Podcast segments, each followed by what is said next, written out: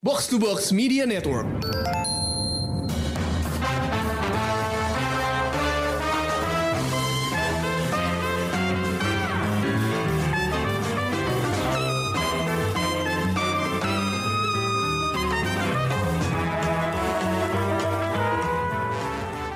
Halo pendengar Showbox, gue kali ini datang dengan sebuah film yang bikin merinding, bikin agak mual, dan bikin gue kayaknya nggak bisa tidur malam ini. Apalagi kalau bukan Incantation yang ada di Netflix. Dan bareng gue kali ini ada Ulil sama Krisna buat nemenin gue serem-sereman. Kalau kalau nggak ditemenin, gue udah mau gila dari tadi. Hai hai. Ini gimana nih uh, kalian yang penggemar horor menonton Incantation pasti nggak kayak gue dong. Nontonnya harus pakai 1,5 speed biar adegan serem-seremnya nggak terlalu terfokusin gitu. Ampuh gak? Ih, nggak juga sih. eh, gue masih tetap uh, merasa spooky dan agak terganggu, terusik sama beberapa adegannya sih terutama okay. pas adegan-adegan yang mereka ada di uh, desa apa kompleks rumah keluarga kayaknya ya? iya mm-hmm.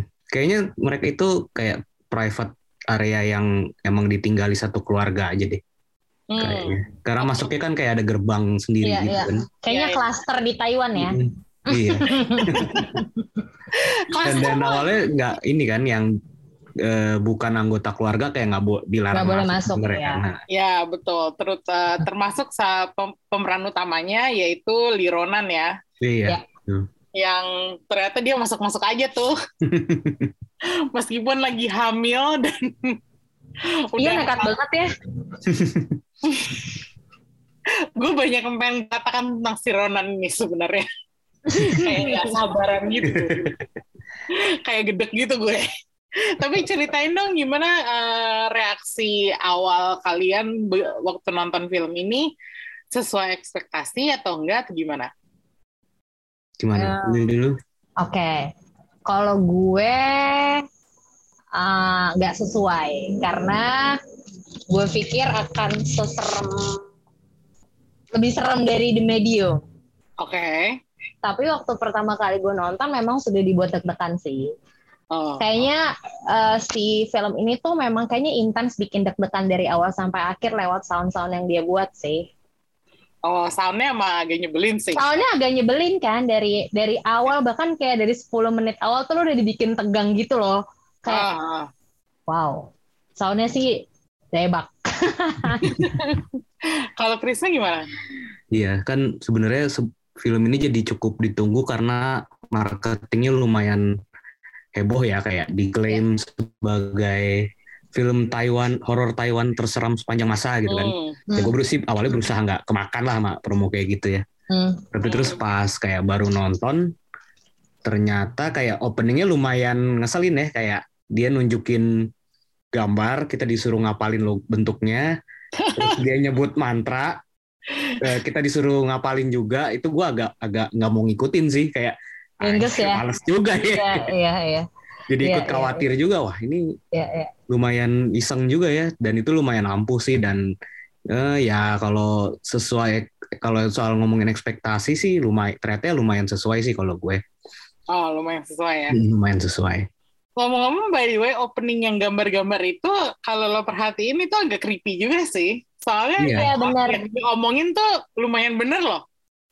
Kayak ya kan banyak simbol-simbol yang uh, yang dia bilang kanan kiri kanan iya. kiri itu mm-hmm. itu tuh kalau lo perhatiin gambarnya tuh bisa ini bisa bisa kanan bisa kiri gitu ya, ada iya kayak mainin persepsi gitu ya iya mm-hmm. dan itu menurut gue cara yang cukup efektif untuk membuka film ini yang kalau menurut gue uh, sebenarnya sih kalau dibilang serem banget tuh buat gue enggak cuman ya itu mengusik gitu loh disturbing iya. kalau menurut gue iya itu gue setuju sih memang uh, ya kan memang ini kan pakai dia pakai format phone footage kan mm. dan memang kecenderungannya kan phone footage tuh apa ya dia nggak nggak yang lebih banyak menghadirkan atmosfer mengganggu gitu kalau menurut gua dan serangkaian adegan disturbing gitu biasanya emang emang kecenderungannya gitu kan daripada uh, nampilin apa kayak horor klasik kayak jump scare gitu-gitu kan emang kurang ya. efektif sebenarnya kan di phone hmm. footage.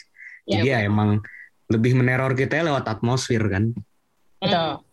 Hmm. Di bagian awal uh, ada nggak adegan yang kalau menurut lo tuh lumayan mengganggu gitu? Di awal doang nih yang, yang di awal doang atau keseluruhan ya, film? Ya, maksudnya di awal-awal film maksud gue oh. sebelum dia kena teror uh, kutukannya. Kutukannya. Uh, gue gitu. mantra doang sih yang kayak yeah. Krisna bilang tadi. Bener-bener permainan mindset banget kan? Iya, jujur gue nggak berani ngeliat subtitlenya sih saat itu. Oh, oh karena, bahkan karena, sampai lo gak berani ngeliat subtitle. Males sih, kayak apaan sih ini? gue juga sih. Karena, tapi maksud gue tuh kayak apa namanya, kayak di awal-awal kan ada tuh uh, siapa kayak temennya dia apa tetangganya dia sih yang ibu-ibu udah agak tua itu. Oh, itu dari ini kan, dari social service-nya kan? Ya, maksudnya nah. ya, ya itu yang orang itu si Mrs. siapa nama kalau nggak mm -hmm. salah Sia ya apa kalau nggak salah. Mm -hmm. Dia kalau menurut gue cukup udah rada ngeganggu gue gitu. Karena optimismenya itu sangat apa ya? sangat nggak cocok buat atmosfer filmnya gitu. Udah kayak aneh ya. Kayak gue udah tahu bahwa dia akan berakhir celaka gitu loh. Hanya dengan sikapnya dia yang apa namanya? kayak dia kan ngomong terus gitu kan iya. kayak dia ngomong terus terus dengan dia ceria gitu ya. dan dia nyuruh si Lironannya gini gitu gini gitu gitu mm -hmm. kayak ngasih advice gitu dan bagi gue itu cukup udah rada mengganggu sih karena gue tahu iya karena gue tahu something will happen gitu sama dia gitu cuman okay.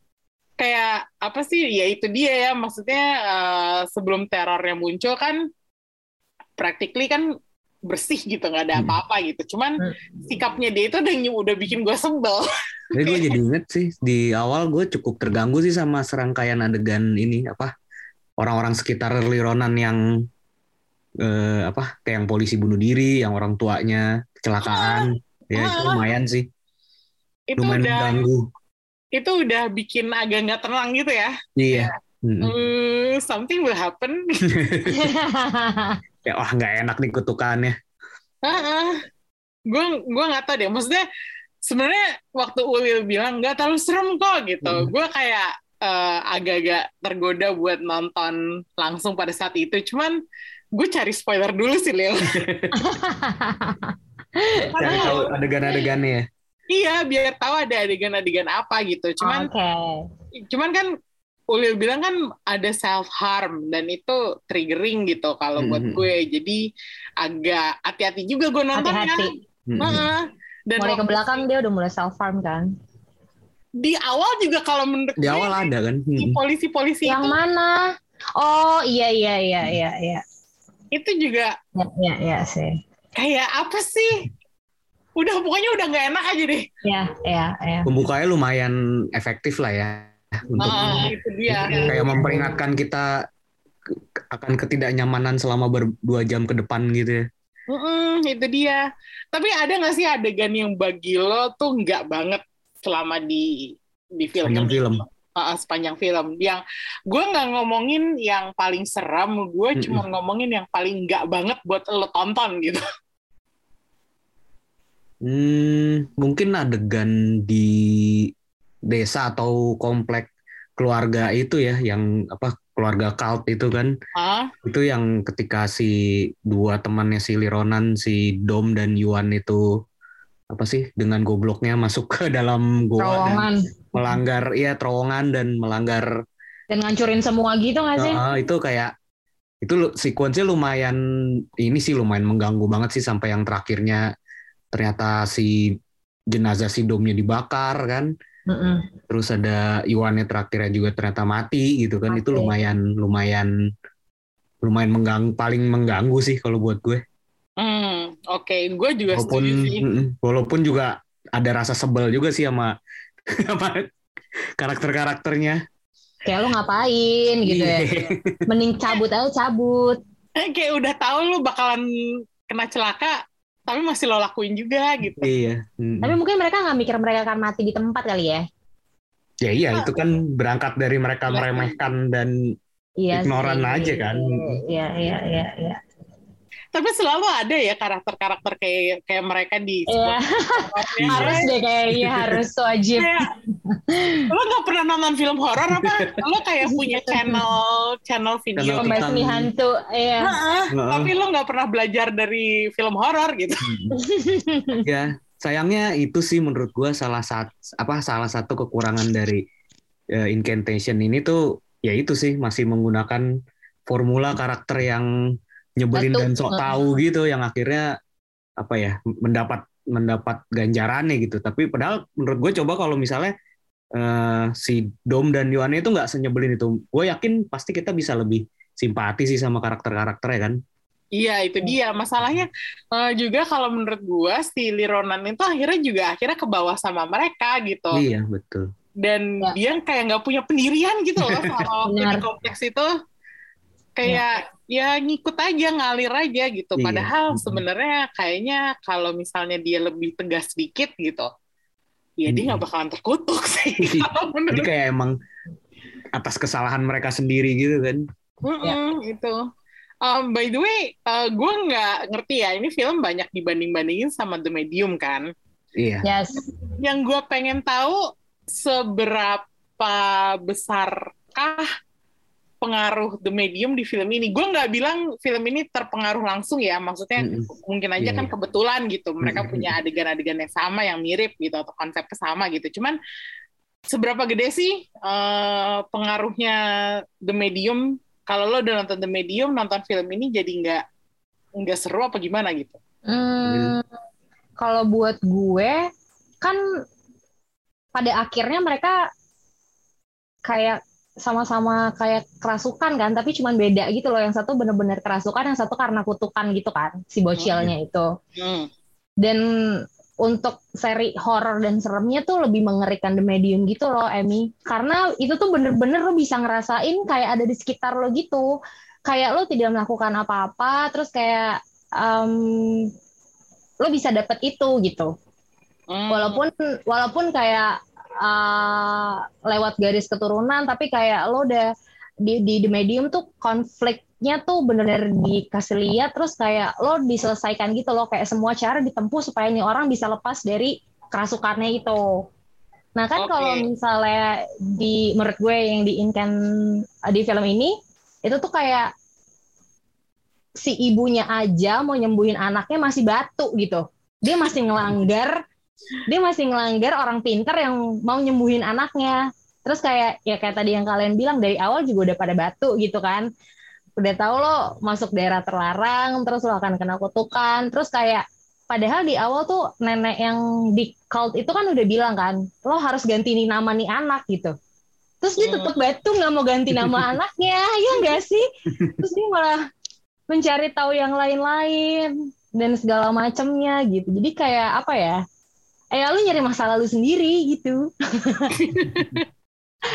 ya di luar apa ya di luar di luar memang um, apa nama uh, tambahan-tambahan lainnya mendukung dan bikin deg-degan juga gitu sih cuman kayak kurang greget aja gitu hmm. okay.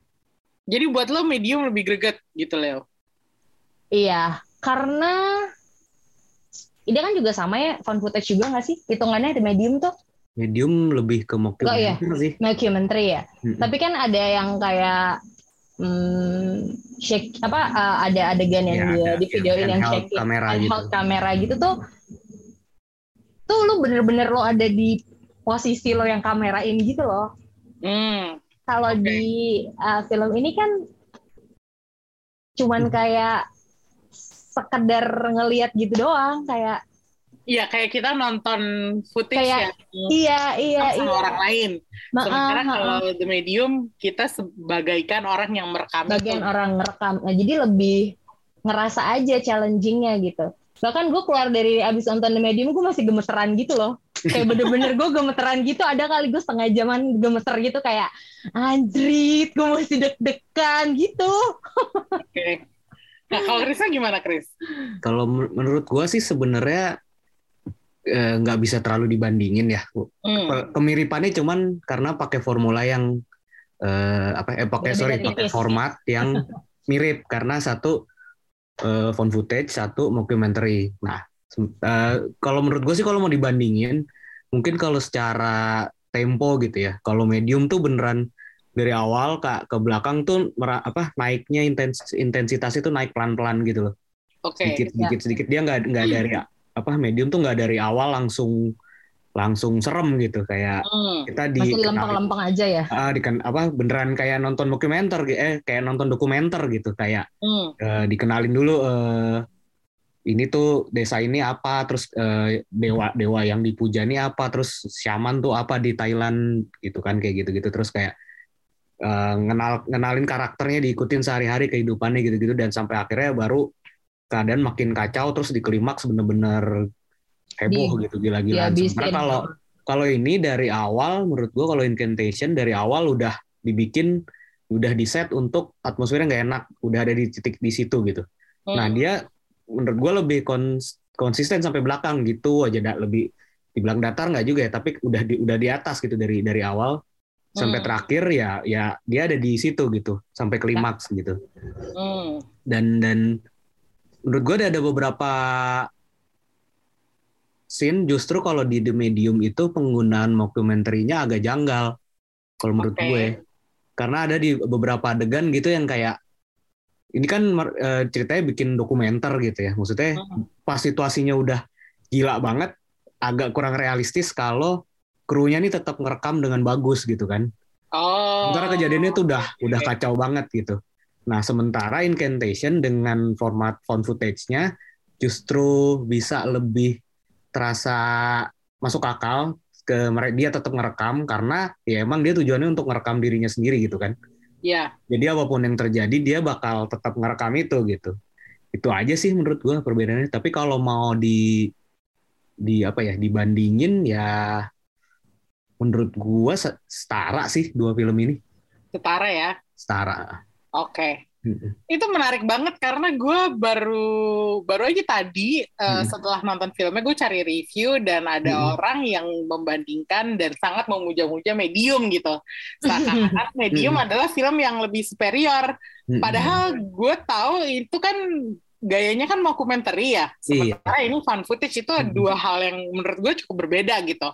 Makanya kalau misalnya ada orang yang memuja medium banget, gue kayak agak skeptis juga nih jadinya. Maksudnya lo prefer ya. medium is okay, seperti Ulil merasa mungkin kayak kameranya lebih direct, jadinya kita sebagai orang yang merekam kita merasakan terornya jadi lebih direct gitu. Daripada kita hanya sekedar menonton aja gitu. Cuman gue nggak percaya kalau misalnya orang si reviewer ini soalnya dia bilang bahwa medium itu kayak di atas incantation. Hmm. Gue ah. gue agak-agak kayak sebenarnya incantation tuh lumayan ini sih penggunaan found footage-nya efektif. lumayan efektif buat gue. Iya. Karena akhirnya kan kita percaya bahwa itu real gitu loh. Iya. Mm-mm. Ya nggak sih? Iya, Kalau gue sih merasa gitu ya. Iya. Kayak terakhir dia bilang sebenarnya tujuan dia untuk meringankan beban anaknya dengan menyebar kutukan ini gitu kan. Iya itu sih jadi terasa masuk akal kan. Ya jadi creepy ya. Dia pengen semua orang merasakan hal itu. Tapi gue setuju juga sih tadi sama Ulil uh, apa ya kalau mau dilihat-lihat lagi mungkin keunggulan medium dibanding incantation di satu sisi gitu ya. Itu sisi karakternya sih maksudnya ya itu hmm. kalau di sini kan mereka dapat kutukan atas kebodohan mereka sendiri gitu ya bisa dibilang. Jadi kayak kadang simpati kita juga kayak ya salah lu sendiri gitu kan. Iya itu dia. Kalau di medium kan emang ya itu emang emang menimpa sama orang yang nggak ngapa-ngapain gitu. Dia sebenarnya nggak melakukan kesalahan apa-apa gitu. Korban-korbannya. Jadi kayak emang setannya lepas aja gitu Iya, kayak kayak lebih simpati memang. Hmm. Dan gue pengen nanya sih berarti ya. Hmm, hmm, hmm. Kayak ada nggak sih karakter yang lumayan menarik nih di Incantation karena kok kayak hampir sebagian besar kayak 90% orangnya nyebelin semua. Sebenarnya kalau yang menarik simpati sih ini sih si Ming kan. si ya, si Ming yang lumayan ganteng ya. Iya, iya. lumayan dan, dan dan tragis kan nasib dia gitu kan. Iya. Monolongin jadi nggak ada. Iya, itu dia. Udah dia monolongin. juga baik banget dia dia bela-belain ke Yunan kan ya. untuk mencari tahu soal apa soal Soal dewanya soal- itu. soal aliran Buddha ini gitu kan aliran Buddha ini. terus apa lagi ya tapi menurut gue si Lironan tetap ini sih walaupun kadang nyebelin kadang nggak konsisten tapi si artisnya sendiri si Sai Suan Yen nih menurut gue mainnya bagus banget sih dia lumayan apa ya bisa jadi motor film ini sih kalau penampilannya gue setuju bagus mm-mm. cuman karakternya itu kayak itu tuh kayak Lil bilang tadi lu nyembuhin anak lu aja kayak nggak ada tekat gitu loh kayak nggak ada Iya. untuk sembuh gitu ngerti gak sih nggak per- nggak nggak nggak kuat gitu motivasinya Heeh. udah gitu kayak ya itu yang gue bilang tadi kan dia se- waktu dia pertama kali datang ke kompleks itu Mm-mm. dia udah dibilangin harus ngapain tapi malah akhirnya terus dia langgar sendiri gitu Apakah ya? Jadi, Karena pesan suaminya ya, eh bapak pesan pacarnya ya, lo harus ke sini sama anak kita cendodo gitu. Jadi dia iya nggak mau mengganti. tapi kan ya ya udahlah lu udah ngelihat apa yang terjadi sama Iya sama sih. pacar lu sama temen lu dan Iya ya. yang terjadi Nggak, di nggak nyampe ya. tempat itu itu dia maksud gue. Itu semua terjadi apa namanya sebelum mereka melanggar. Ya. cuman udah udah tahu gitu loh. Mereka bakalan ya gue nggak tahu sih mereka tahu apa enggak. Cuman ya lo pikirannya sendiri lah goblok banget. Ya sebenarnya sesimpel inilah apa respect di tempat orang Budaya. gitu kan. Iya, respect tempat orang. Tapi anak kecilnya mencuri perhatian sih menurut gue. oh iya Dodonya itu ya? juga bagus sih Dodonya mencuri Dodo. perhatian kayak apa ya? Dia rela gitu loh badannya dibentuk kayak gitu tuh kan serem banget ya, coy. Pada akhirnya ke belakang-belakang tuh kan mengerikan banget ya dan Ya, mukanya beneran udah ini ya udah nggak nggak nggak makan berhari-hari gitu Iya, ya. iya yang keriput, yang bu pembuluh darahnya udah mulai kelihatan, Punggungnya. Ya punggung itu dan salut segala sih gue sama macamnya, aktor bocilnya, Heeh. terus Bener yang juga. apa? Mukanya lesu tuh yang beneran lesu banget gitu, yang kayak aku mau mati, aku mau makan gitu kan. tapi terus udah gitu si anak itu masih tetap ngebelain ibunya kan waktu Iya, masih tetap sayang gitu ya. Eh, si, waktu si Ming nanya apa namanya eh, Kamu mau nggak tetap dia jadi ibu Ya. kamu gitu ya? Heeh, Yang terus dia bilang. ya dia kan tetap ibu saya gimana pun juga gitu. It's like Iya, itu heartbreaking banget sih kalau menurut gue. iya. Ah, ah. Aduh. Dan- pas di ini juga Mm-mm. di awal-awal pas dia baru balik tinggal sama ibunya di apartemen Hmm, itu kan ada beberapa adegan dia yang kayak melihat sesuatu ya. di langit-langit Iya, rumahnya Iya, iya, Terus dia iya. apa kayak merangkak apa gitu dan oh sama bagian dia tiba-tiba ke lote apa ke apa ya Kamar ke mandi. ya terus yang dia kayak lompat itu heeh. Oh iya, Itu- ke, at- itu- ke atap rumah apa, apartemen ya? Iya itu meyakinkan banget sih maksudnya dia kayak terlihat emang kayak melihat sesuatu gitu kan Mm-mm, mm-mm, mm-mm. Nah, ya itu satu satu lagi sih menurut gua kelebihan incantation juga di adegan di adegan-adegan apartemen itu ya gue selalu suka ketika horor tuh bisa apa ya menggunakan setting yang deket sama kehidupan kita sehari-hari gitu loh. Hmm, Itu apartemennya kan apartemen yang apartemen normal banget kan, Iya. Ya, nggak ada nggak ada apa ya nggak ada perabotan yang aneh-aneh semuanya apartemen normal. Rumah aja gitu. rumah Mm-mm. aja dan dan terang gitu kan nggak Yes. gelap iya nah, itu itu itu salah satu kelebihannya sih apa si incantation itu bisa Ya. mengeksploitasi apartemen yang biasa aja jadi ad- Yes. untuk adegan yang serem gitu Hmm, Kayak-. Lo kalau lagi liburan ke kota-kota yang macaman kayak gitu tuh kayak, waduh, pernah lagi gitu nggak sih? iya kan kayak Iya, kayak lebih iya. dekat gitu kan jadi kayak lu bisa lebih parno gitu ketika lu ada di apartemen atau di hotel gitu kan Ya, ya betul. Mm-mm. Dan makin serem lagi kalau lo pikir di Taiwan itu kan eh, banyak shaman ya, Hmm. banyak iya ya kuil di kota gitu. Jadi Yes. hmm, itu bisa terjadi di mana aja sih kalau menurut gue. Kayak tiba-tiba ada dewa ya, dewa ngamuk kayak nyasar gitu. Kelar lah. Di sebelah toko sandwich favorit lo gitu. Itu kan itu serem juga sih kalau mikirin hal itunya gitu.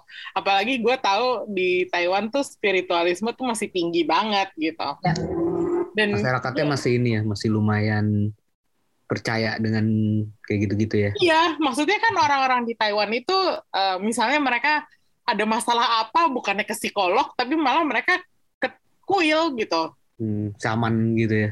Uh -uh, dan apa uh, di waktu itu gue pernah nonton di apa namanya uh, eh, HBO dokumenter hmm. tentang shamanisme ini di Taiwan dan mereka tuh bener-bener kayak si shaman-shaman ini tuh bener-bener dirasukin sama dewa gitu. Kalau mereka ngomong sama klien gitu ya, misalnya hmm. klien minta bisnis gue nggak lancar nih, gue harus ngapain? Itu bener-bener kayak mereka tuh pakai suara dari dunia lain gitu, yang hmm. terus didokumentasiin gitu di, di HBO dan mereka tuh bener-bener percaya. Jadi makanya hmm. bahwa ini settingnya di Taiwan, gue sih percaya banget.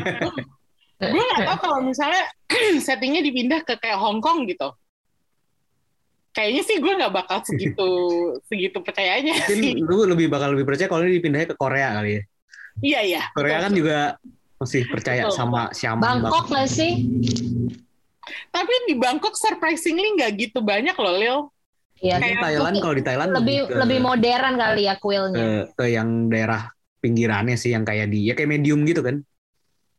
Ya, nah ya. itu dia. Kayaknya kan udah yang misalnya, perbatasan ke utaranya yang udah hutan gitu kan. Ya. Kalau di apa namanya uh, apa kalau di Thailand, Thailand itu tuh kalau hmm. menurut gue lo ke Bangkok masih lumayan aman. Karena di situ juga gue nggak terlalu banyak ngerasa bahwa orang paling ke kuil cuman buat kayak misalnya uh, good fortune gitu misalnya. Hmm, nggak hmm, buat konsultasiin masalah segala macam masalah lo. Kayak ya, bener ya. deh. Kan di itu di HBO ada serial namanya apa? Uh, tentang shamanisme gitu deh. Pokoknya yang main apa ya remaja deh kalau nggak salah. Mm -hmm. Itu gue lupa namanya apa judulnya apa. Padahal padahal gue suka banget nonton itu. Dan itu tuh kayak diangkat dari real karakter. Ini komedi yang komedi bukan sih? Iya ko drama komedi. Drama komedi kan? Iya iya, iya. gue tahu. Hmm. lupa gue judulnya. Teenage something gitu. Hmm, hmm, hmm. Teenage psychic itu beneran kalau misalnya lo tonton serial itu itu settingnya kan di Taiwan ya dan si cewek ini menjadi shaman itu adalah itu pekerjaan dia gitu kayak dan kayak udah ke ini kan apa ke apa ya, profesi keluarga gitu kan iya profesi turunan diturunkan orang tuanya gitu, gitu. Uh -uh. Hmm. itu agak serem sih kalau lo nonton jadi uh, bahwa incantation tuh di settingnya di Taiwan itu brilian banget kalau menurut gue. Memang ini adalah gambaran dari society mereka. Karena kan ini diangkat apa ya dari kata si sutradara dan penulisnya si Kevin Ko. Hmm. sutradaranya sama Chang Chewei si penulis. Naskah ini kan emang diadaptasi dari kejadian nyata kan? Iya ya. yang mana ternyata ada satu keluarga iya. satu keluarga terkena kutukan itu mm -hmm. sampai mereka semua saling ya, saling menyiksa gitu iya dan sampainya sampai apa salah satu anggota keluarga yang meninggal kan karena cedera kan iya itu dia maksudnya itu tuh serem banget sih kalau gue kalau dipikir-pikir hmm. kayak jangan jangan remehkan ini deh makanya jadinya nggak nggak make sense kan ketika ada dua karakter yang si Dom dan si Wan yang secuek itu iya itu dia makanya jadi kalau menurut gue kekurangan dari Incantation itu adalah si karakter Dom dan Yuan yang jadinya kayak klise banget gitu iya. kan sayangnya itu aja sih tapi di luar itu menurut gue sih semuanya oke okay sih soal phone hmm. footage-nya apa semua efektif sih. Tapi kalau menurut lo masalah hantu-hantuan di Asia, hmm. spiritualisme di Asia tuh masih bisa jadi tema yang menarik gak sih buat horor? Sampai kapan pun akan tetap menarik sih. Masih sih, masih. ya, karena itu kan sesuatu yang dekat memang kan, termasuk buat kita di Indonesia pun dan apa ya bahkan buat orang yang tidak percaya sekalipun ini tetap hal yang membuat penasaran gak sih? Ya betul. Iya kan. Hmm. Gue waktu itu waktu kemarin nonton Thor Love and Thunder gue ngelihat uh, apa namanya uh, trailernya Pengabdi Setan 2 terus nah. gue kayak gue nggak berani buka mata sih selama trailer jujur kayak knowing that it could happen di sini beneran nggak bisa bikin gue nonton trailer Terasa itu. dekat ya. Terasa dekat, banget sih. Apalagi pengabdi setan maksudnya Iya kan kalau misalnya kita ngomongin cult gitu, Mm-mm. ya cult itu kan kalau misalnya nonton film barat tuh kan kayak ya mereka terpisah, terpencil tersendiri gitu. Iya, betul. Sementara kalau di Asia ada di sekitar kita. Kalau di Asia itu di deket kita. Apaan aja bisa nyampe ya. Mereka hidup berbaur gitu kan. Aduh, Ya. pokoknya nggak banget ya.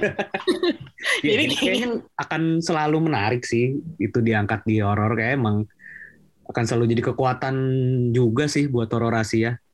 Iya. Karena sensitivitasnya jadi beda kan sama horor-horor dari belahan dunia lainnya.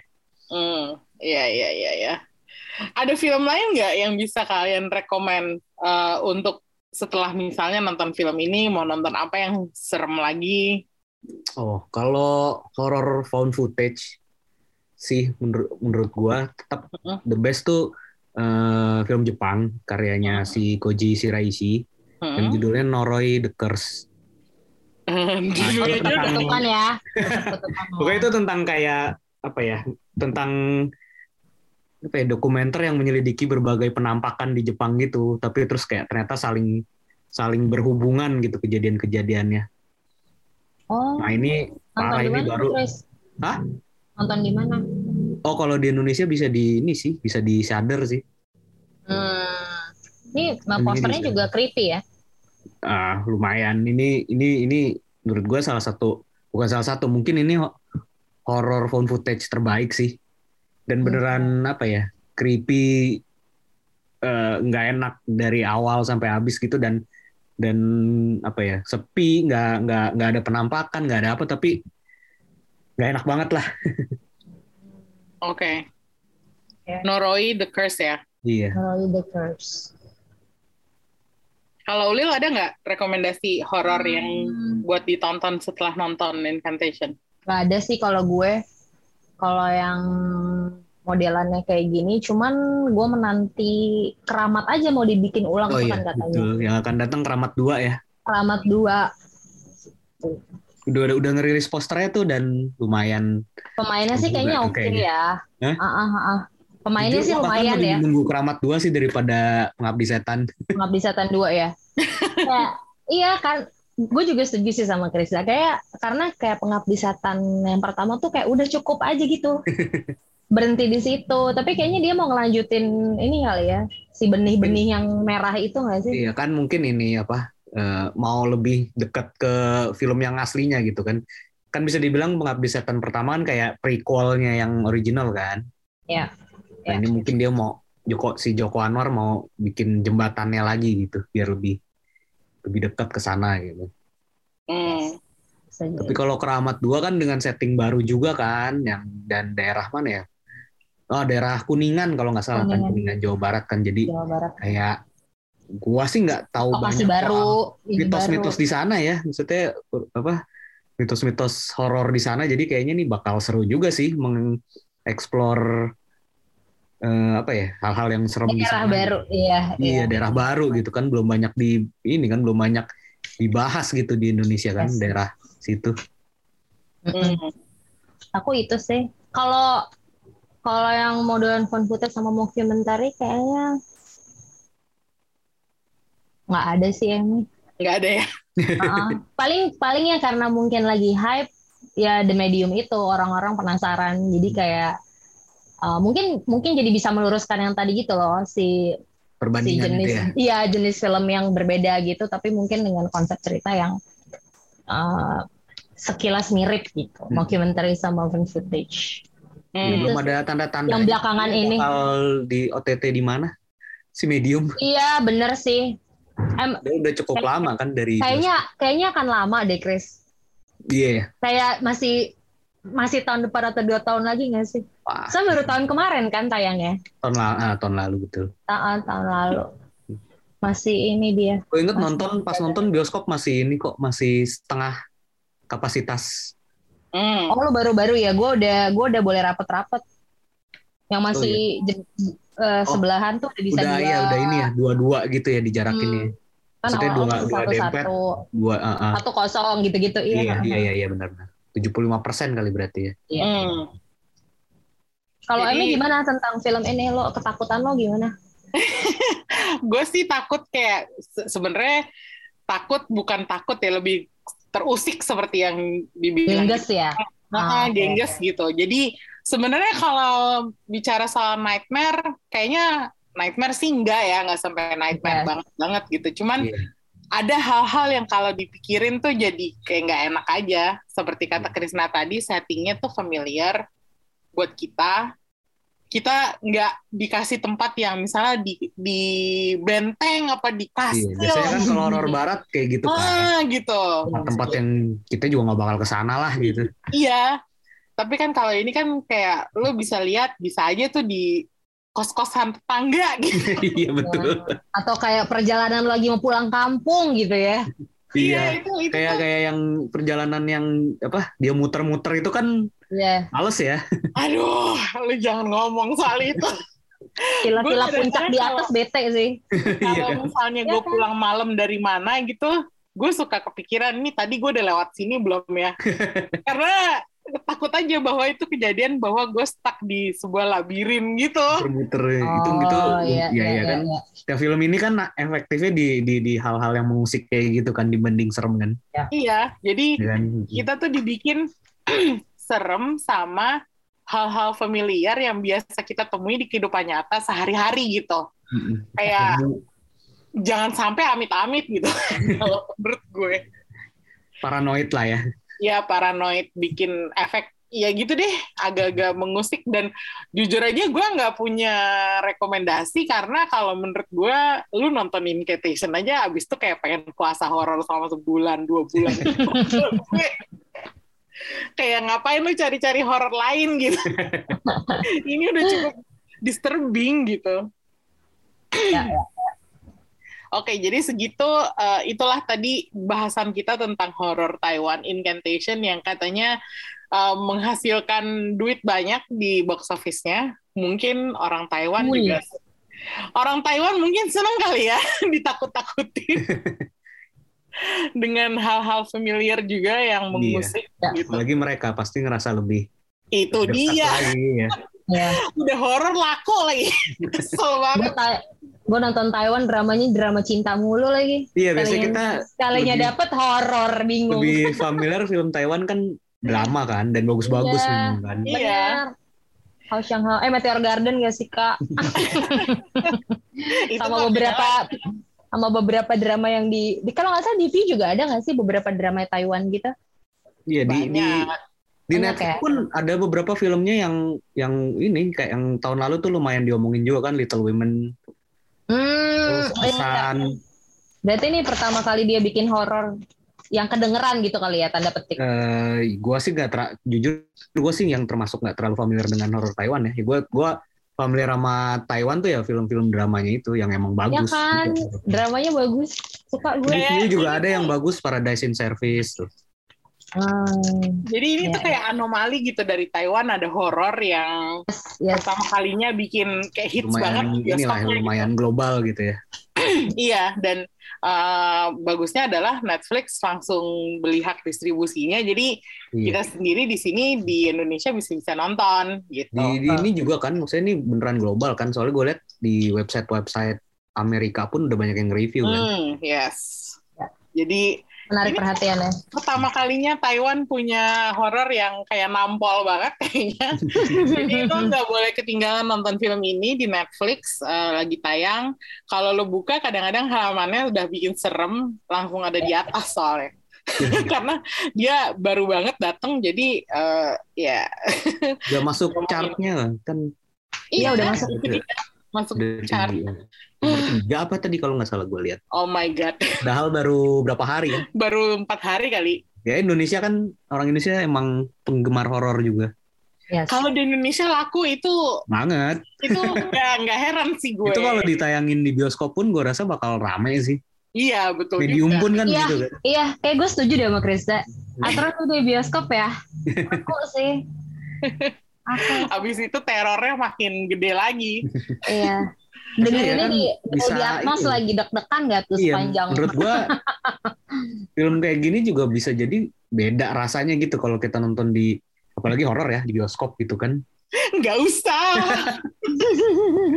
Ini aja udah di Gak bisa di pause ya, gak bisa di pause. Gak bisa di pause kalau tadi gue masih bisa 1,5 speed gitu.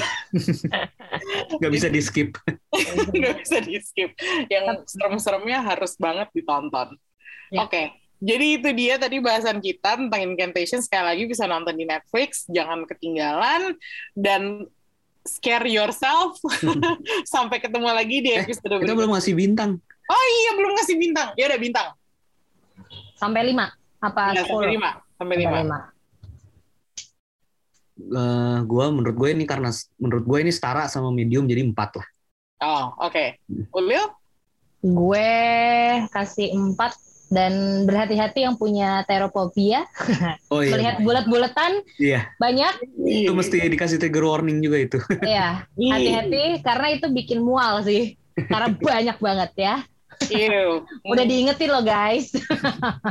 Kalau gue ngasih empat juga, soalnya ini horror yang sangat efektif, disturbing dan nggak aja gitu, nggak banget aja gitu terngiang-ngiang deket aja sama hidup now. Oke deh, segitu aja. Sampai ketemu lagi di episode berikutnya. Thank you. Bye. Bye.